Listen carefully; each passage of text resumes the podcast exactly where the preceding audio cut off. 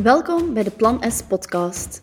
De podcast voor iedereen die op zoek is naar meer rust en balans in het leven. Ik ben Stefanie en als balanscoach is het mijn missie om je te begeleiden in die zoektocht. Met deze podcast trek ik jou allerlei tools en tips om meer rust te ervaren en jouw leven in balans te bereiken. Hallo, hallo en welkom bij een nieuwe episode van de Plan S podcast. Binnenkort is het de week van hoogsensitiviteit. Uh, dat is een awareness week waar dat vooral in Nederland wordt rondgewerkt. Uh, maar ik wil het initiatief hier in België ook aandacht geven. En daarom heb ik besloten om de komende podcast te wijden aan het onderwerp hoogsensitiviteit. Ik ga dat niet alleen doen. In de komende weken passeren er ook een aantal heel leuke gasten. Maar ik ga erover nog niet te veel verklappen. Um, maar ik wil dat doen omdat ik merk dat die hoogsensitiviteit toch wel iets is dat heel vaak terugkomt uh, bij mij in de praktijk. Of dat dan nu is in loopbaanbegeleiding, individuele coaching, in trajecten. Um, ik zie het heel vaak terugkomen. Um, en daarom vond ik het wel interessant om daar ook um, een beetje aandacht aan te besteden hier op de podcast. En in de eerste plaats uh, leek het mij interessant om een keer te gaan vertellen wat dat, dat voor mij betekent, die hoogsensitiviteit. Um, hoe dat ik dat heb ontdekt, hoe dat ik daar nu mee omga, wat dat, dat betekent voor mij in mijn dagelijkse leven. Um, en dan vanaf de volgende episode gaan we meer uh, aan de slag met concrete handvaten uh, rond die hoogsensitiviteit. Um, ja, in aanloop van deze aflevering ben ik dan een keer gaan nadenken over uh, mijn verhaal. Ik heb er ooit eens een blog over geschreven. Ik heb die in boven gehaald. Uh, en ben er dan nog eens een beetje verder uh, gaan over nadenken. En van wat ik me kan herinneren, was ik zo het typische um, overgevoelige kind. Um, toen werd dat zo, hè, allez, het typische hoogsensitieve kind, toen werd dat natuurlijk zo niet bekeken hè, in de jaren negentig. Ik was overgevoelig. Ik was bang verlegen, onzeker. Ik durfde niet zoveel. Ik heb echt zo ontzettend vaak moeten horen dat ik niet flauw moest doen. Uh, dat ik mij aanstelde. Um, heel wat zaken waar andere kinderen super enthousiast door werden. Ik denk nu maar aan schoolreizen bijvoorbeeld. Dat zorgde bij mij voor zoveel stress en paniek. Uh, dat ik echt wel huilbijen had, hysterisch werd de avond voor uitstappen, ik kan me dat echt herinneren, ik was daar zo van gestrest dat ik echt gewoon ziek werd, dat ik niet kon eten. Um, omdat dat gewoon zo onvoorspelbaar was voor mij. Uh, en dat, ja, die prikkels, ik kon dat toen nog niet zo benoemen natuurlijk, dat was gewoon te veel. Um, in mijn puberteit kreeg ik daar ook nog vaak bij te horen dat ik arrogant was. Um, en onvriendelijk, omdat ik eigenlijk gewoon heel stil en teruggetrokken was. Zeker in uh, bepaalde sociale situaties. Ik denk gelijk bij de kapper gaan en zo. Ik vond dat eigenlijk niet tof. Um, en dan kroop ik gewoon in mijn kokonneke. De huilbuien en emotioneel zijn uh, schreef ik op dat moment ook wel toe aan het puberen. Want ja, eh, uh, pubers zijn emotionele wezens. Um, en iets later, toen ik dan uh, naar, de, naar de hogeschool ging, dan zag ik het op de stress die die studies meebrachten. Misschien was ik gewoon niet zo stressbestendig. Um, ik heb toen heel veel last gehad van angst- en paniekaanvallen. Um, jarenlang. En ik heb die gewoon gestoken op het feit dat ik perfectionistisch was, dat ik niet stressbestendig was en dat ik faalangst had. Um, dus eigenlijk, die hoogsensitiviteit is die altijd wel in mijn leven aanwezig geweest ik was ook zo, ik huilde bij films, bij muziek, op concerten of festivals kon ik ook wel staan, uh, een traantje laten. Uh, maar ik dacht dat ik gewoon, ja, dat dat gewoon puberstreken of zo waren. Ik weet niet goed waar ik het moest aan toeschrijven. Uh, ik voelde ook wel heel makkelijk in mijn omgeving aan als er iets was met mensen. Maar ik stond daar nooit niet bij stil wat dat, dat kon zijn. Um, ik ben dan beginnen werken in... Oh, ik moet eens gaan nadenken. 2012, denk ik. 2011, ik weet het al niet meer. Um, en dan waren die stresserende studies mijn excuus niet meer. En ik ben toen begonnen, um, ben afgestudeerd als ortho, in uh, orthopedagogie. En mijn eerste job was opvoedster in een CKG. En dat was eigenlijk echt de job die ik wou doen sinds ik begon studeren. Uh, want ik heb jarenlang vrijwilligerswerk gedaan in een CKG. Ik wou echt werken met jonge kinderen. Uh, dus dat was echt wel... Allee, ik was in de zevende hemel dat ik een job had uh, die ik zo graag wou doen. Maar wat bleek al heel snel, dat mijn droomjob ehm, niet echt ehm, ideaal bleek te zijn voor mij. Want het enige dat ik nog deed was werken, eten en slapen. En de enige constante daarin was dat werken. Slapen en eten, dat werd een keer overgeslaan. Want um, ik werkte in wisselende shiften. Ik had vroeger, later dag, dagdiensten, nachten, weekends. Um, en dat was niet week om week, maar dat was echt wel verschillende soorten shifts in één week. Um, in de weekend stonden wij er ook alleen voor, waren dat heel lange shiften dat we hadden. De dagshiften waren 10 uur en de nachtshiften waren 14 uur, als ik me dat goed herinner. En dat was zo belastend voor mij. Uh, constant dat wisselen, dat ritme, um, die prikkels als je daar alleen stond. Um, maar niemand leek dat daar moeilijk mee te hebben van mijn collega's. Bij hun ging dat precies allemaal vanzelf. Um, die combineerden dat ook nog met hun gezin. Die hadden daar geen last van, van een late en een vroege naar elkaar te doen. Um, maar voor mij was dat echt zo pittig en ik vond dat zo lastig, want ja, ik was een van de jongsten daar. Ik was net afgestudeerd, ik zou toch nog net vol, uh, vol energie moeten zitten. Maar bo, ja, ik, uh, ik probeerde dat te doen, ondertussen ook nog een sociaal leven te leiden, want zo hoort dat als je jong bent. Uh, we gingen verhuizen en zo. Dus heel veel dingen. En na, ja, ik denk vier, vijf maanden, heb ik mijn eerste aanraking met burn-out gehad. Dat is toen zo niet benoemd geweest. Uh, maar ik heb toen een maand thuis gezeten. En een keer dat ik terug aan het werk was, heb ik eigenlijk vrij snel mijn ontslag ingediend. Ook al had ik nog geen andere vooruitzichten. Uh, maar ik kon dat gewoon echt niet meer. Mijn lichaam was echt op. Ik, uh, ik raakte in paniek en gestrest als ik eraan dacht dat ik dat terug moest gaan doen. En tijdens een van die laatste weken uh, dat ik op dienst was, uh, was ik eens alleen op dienst. Ze waren op uitstap en ik had uh, een babytje dat daar was en ik was daarbij gebleven. En de hoofdopvoedster die kwam een babbeltje slaan bij mij. En die vroeg zo uit het niets of dat ik iets wist over hoogsensitiviteit of hoogsensitieve personen. Uh, ik kwam echt compleet uit de lucht vallen van, allee, hoogsensitieve personen zijn zo toch die mensen die niet kunnen tegen etiketjes in een pul. Uh, dat was hoe ik daarover dacht. Uh, en ze zei van, ik heb hier een lijstje met vragen. Denk daar een keer over na. Uh, want ik denk dat dat voor u wel eens een eye-opener zou kunnen zijn. En ze gaf mij ook een titel van een boek ehm, waarin ik meer informatie zou kunnen vinden. Ik scoorde natuurlijk super hoog op die test.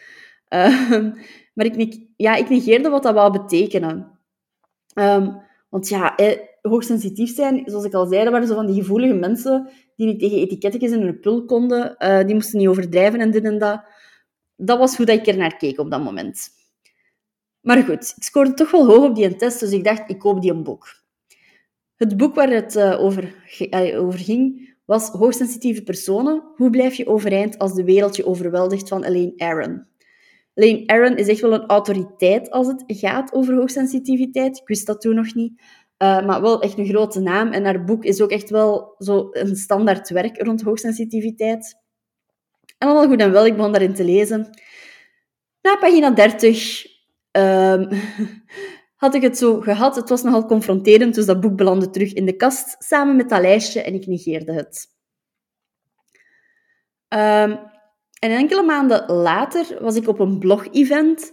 Uh, ik was toen uh, nog heel actief als creatieve blogster.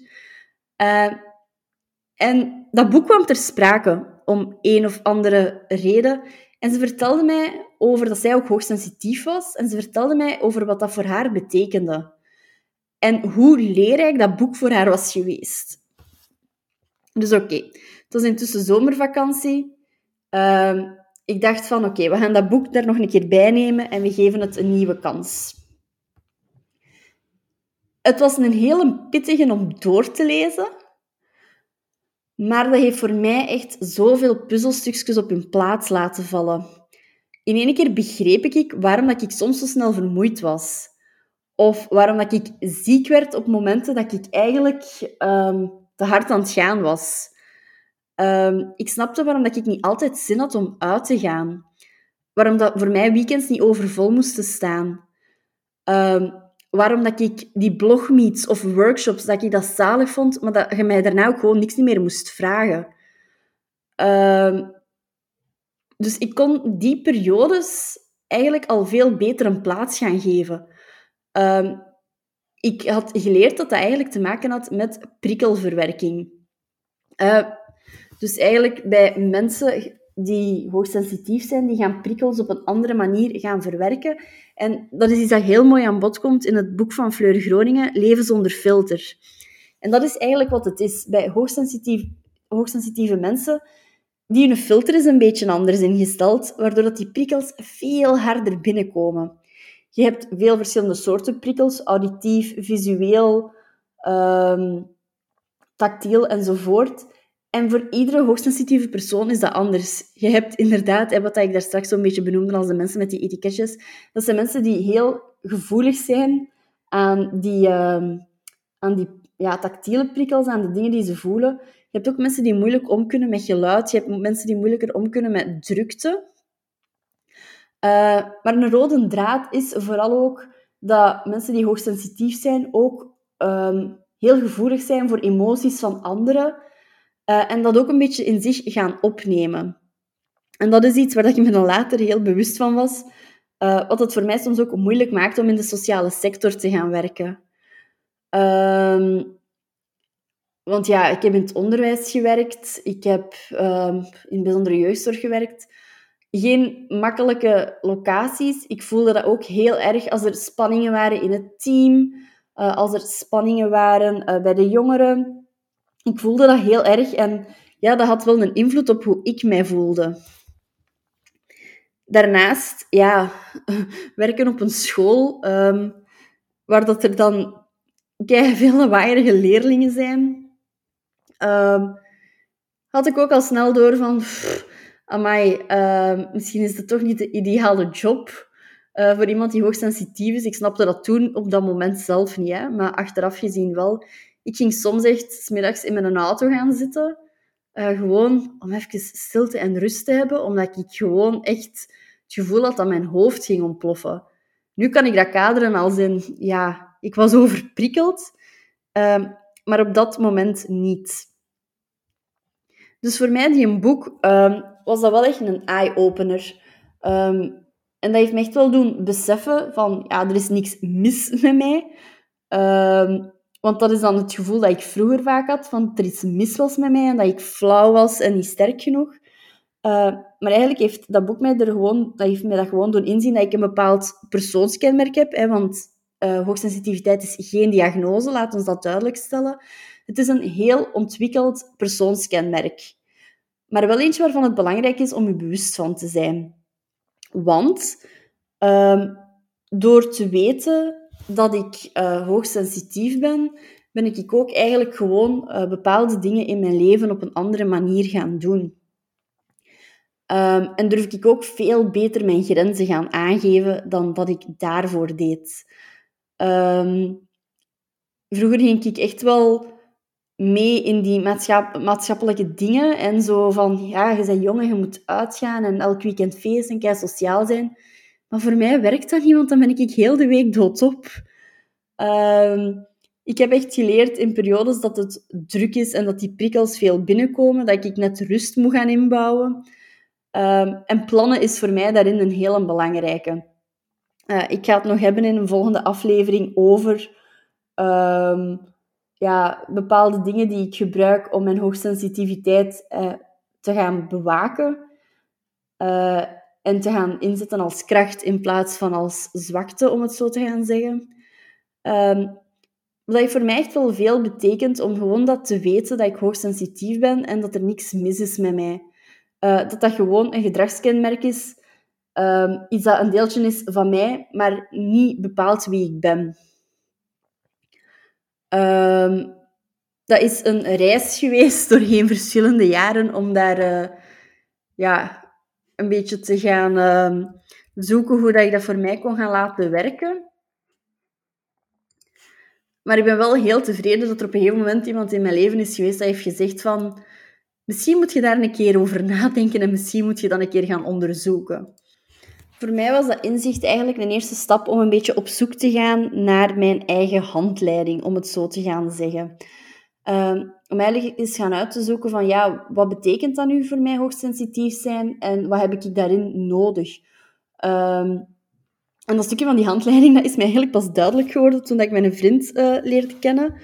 Um, want ja, voordien, um, dat was een zoektocht van jaren en ik had mijn handleiding wel een beetje samengesteld en personen in mijn omgeving wisten wel hoe dat ze met mij moesten omgaan. Uh, maar dan komt er daar in één keer iemand nieuw in je leven uh, die dat niet weet en aan wie dat je dat dan moet gaan uitleggen. Um, wat dat, dat is, die hoogsensitiviteit, en wat dat, dat soms betekent in je gedrag en in hoe dat je zijt en hoe dat je doet. Um, dus zo stuk voor stuk die handleiding gaan samenstellen, dat was ook wel een journey van jaren. Uh, wat dat daarin voor mij vooral belangrijk geweest is, is om voor mij te gaan bepalen wat betekent dat hoogsensitief zijn. Ik zie hoogsensitiviteit als een kracht. Dat is echt zo wel een beetje mijn superpower, want dat zorgt ervoor dat ik mensen goed kan aanvoelen, uh, dat ik mensen over het algemeen wel goed kan inschatten. Uh, dat ik ook snel aanvoel als er met iemand iets is. Ik ben daar ook, allee, en dat ik daar ook wel ga over praten. Um, ik denk dat me dat als coach een sterkere coach maakt. Um, omdat ik ook wel aanvoel wat mijn cliënten nodig hebben of willen zeggen zonder dat ze er woorden aan geven. Dus ik zie dat wel als een kracht. Maar elke kracht heeft natuurlijk ook zijn valkuil. Um, ik voel mensen heel goed aan, maar soms voel ik ook dingen aan die mensen zelf nog niet aanvoelen of die mensen niet willen zeggen. En dan zit ik een beetje met kortsluiting. Of um, dat zorgt er ook voor dat ik soms um, heel geëmotioneerd raak. Ik vind geëmotioneerd raken ook een kracht. Ik kan echt genieten van een boek, een film, een concert. En zoals ik zei, ik ween gemakkelijk. Ik vind dat niet erg om te wenen. Ik zie dat ook als een kracht. Um, maar ja, dan soms op het einde van een traject kan ik ook zo wel overweldigd raken van trots en fierheid, dat ik dan ook een traantje laat. Ik zie dat meestal ook wel als positief, maar hè, dat is ook wel eentje waar ik mee moet opletten. Ik kan me soms ook heel hard aantrekken wat dat ik doe. Um, dus vandaar dat in de bijzondere jeugdzorg werken niet de meest ideale job voor mij was. En dat ik op een gegeven moment um, ook heb besloten om gewoon weg te gaan uit de sociale sector omdat ik vanuit die hoogsensitiviteit en dingen aanvoelen en dingen aantrekken, uh, dat ik dat ook gewoon mee naar huis nam. Dus dat was een van mijn valkuilen daarin en misschien een van de minder goede kanten aan hoogsensitief zijn. Uh, iets wat dat dan nog voor mij betekent, is dat het soms gewoon te veel is. En dat ik niet direct kan uitleggen wat die een te veel is. Uh, ik noem dat zo een beetje met een hoogsensitieve boom. Um, soms ben ik overprikkeld, ben ik overweldigd en kan ik daar niet direct de vinger op leggen hoe dat, dat komt. En dan ben ik gewoon te wenen of trek ik mezelf terug en neem ik afstand, um, omdat ik dat in mijn hoofd vorm moet geven. Dat is eigenlijk gelijk een boom dat in het wild aan het groeien is langs alle kanten, of zo'n struik. En ik moet die eerst even voor mezelf kunnen snoeien uh, en een bepaalde vorm geven, voordat ik die een boom kan tonen aan mensen. Want je kunt toch niet een wildgroei tonen aan andere mensen. Dat is trouwens de manier waarop ik dat aan mijn vriend heb uitgelegd. Wat er gebeurt als ik overprikkeld ben, dat ik dan eerst met een boom moet snoeien. Uh, maar dat betekent hoogsensitief zijn ook voor mij. Overprikkeld raken, soms niet weten waardoor. Uh, te veel werk, vermoeidheid, um, het nieuws, dat is ook zo een uh, die me kan overprikkelen. En ik heb tijd nodig. Tijd nodig om dat te gaan verwerken. Um, wat ik ook doorheen de jaren heb geleerd, is dat ik inderdaad, wat ik daarnet zei van dat nieuws, dat me dat heel hard overprikkelt. Uh, met corona werd dat voor mij ook heel duidelijk. Dat kwam heel hard binnen bij mij. Um, dus ik heb dat gewoon uitgezet. Ik heb alle nieuwsites verwijderd van mijn Facebookpagina, alle apps. Um, ik luister en kijk geen nieuws en ik krijg dan gefilterd door van mijn vriend wat er gaande is in de wereld. Uh, want als ik elke dag in tijden van corona die cijfers hoorde, of gelijk nu met een oorlog, ehm, ik trek me dat veel te hard aan en ik lig daar wakker van. dat betekent hoogsensitief zijn ook voor mij. Um, hoogsensitief zijn voor mij betekent ook dat ik mijn energie uh, goed moet gaan managen. Want um, ik ben naast hoogsensitief ook introvert, dus ik haal vooral energie uit alleen zijn. Dat wil niet zeggen dat ik asociaal ben. Hè? Dat wil niet zeggen dat ik niet graag dingen doe met mensen. Um, ik geef ook heel graag workshops en ik ga graag naar events en ik spreek graag af met familie en vrienden. Um, maar dat wil wel zeggen dat ik daarvoor en daarna oplaadtijd moet inplannen. En dat ik niet mijn dagen en mijn weekends moet volplannen met de ene na de andere activiteit, want dan krijg ik kortsluiting. Uh, en die kortsluiting, dat zijn dingen die ik wil vermijden, want op lange termijn leidt dat er dan toe dat mijn batterij leeg gaat. Um, en dat ik dan weer richting die een burn-out aan het stappen ben. En dat is iets dat ik ten, koste wil ten alle kosten wil vermijden. Dus zo. Um, dit was mijn verhaal rond hoogsensitiviteit. Hoe dat ik het te weten ben gekomen, wat het voor mij betekent en hoe dat mijn handleiding er een beetje uitziet. Um, in de komende weken gaan we daar nog dieper op ingaan met allerlei tips. Volgende week heb ik Michelle van Studio Snoes uh, als gasten. Zij heeft een webshop die helemaal draait rond, het, uh, rond tools om te ontprikkelen. En zij gaat ook met ons haar favoriete tools om te ontprikkelen gaan delen. Daarnaast uh, geef ik binnenkort ook een masterclass, je hoogsensitiviteit in balans. Uh, het zal ergens in de loop van juli zijn. En als je daar rond graag info wil, dan kan je je op de wachtlijst zetten um, via de link op mijn Instagram-profiel of gewoon hier bij de omschrijving van de podcast. Uh, en dan krijg je als eerste info wanneer dat die masterclass doorgaat en kan je je daarvoor ook gaan inschrijven. Ziezo, dat was het voor vandaag. Binnen 14 dagen opnieuw op post, dan met een gast op mijn digitale sofa. Tot dan!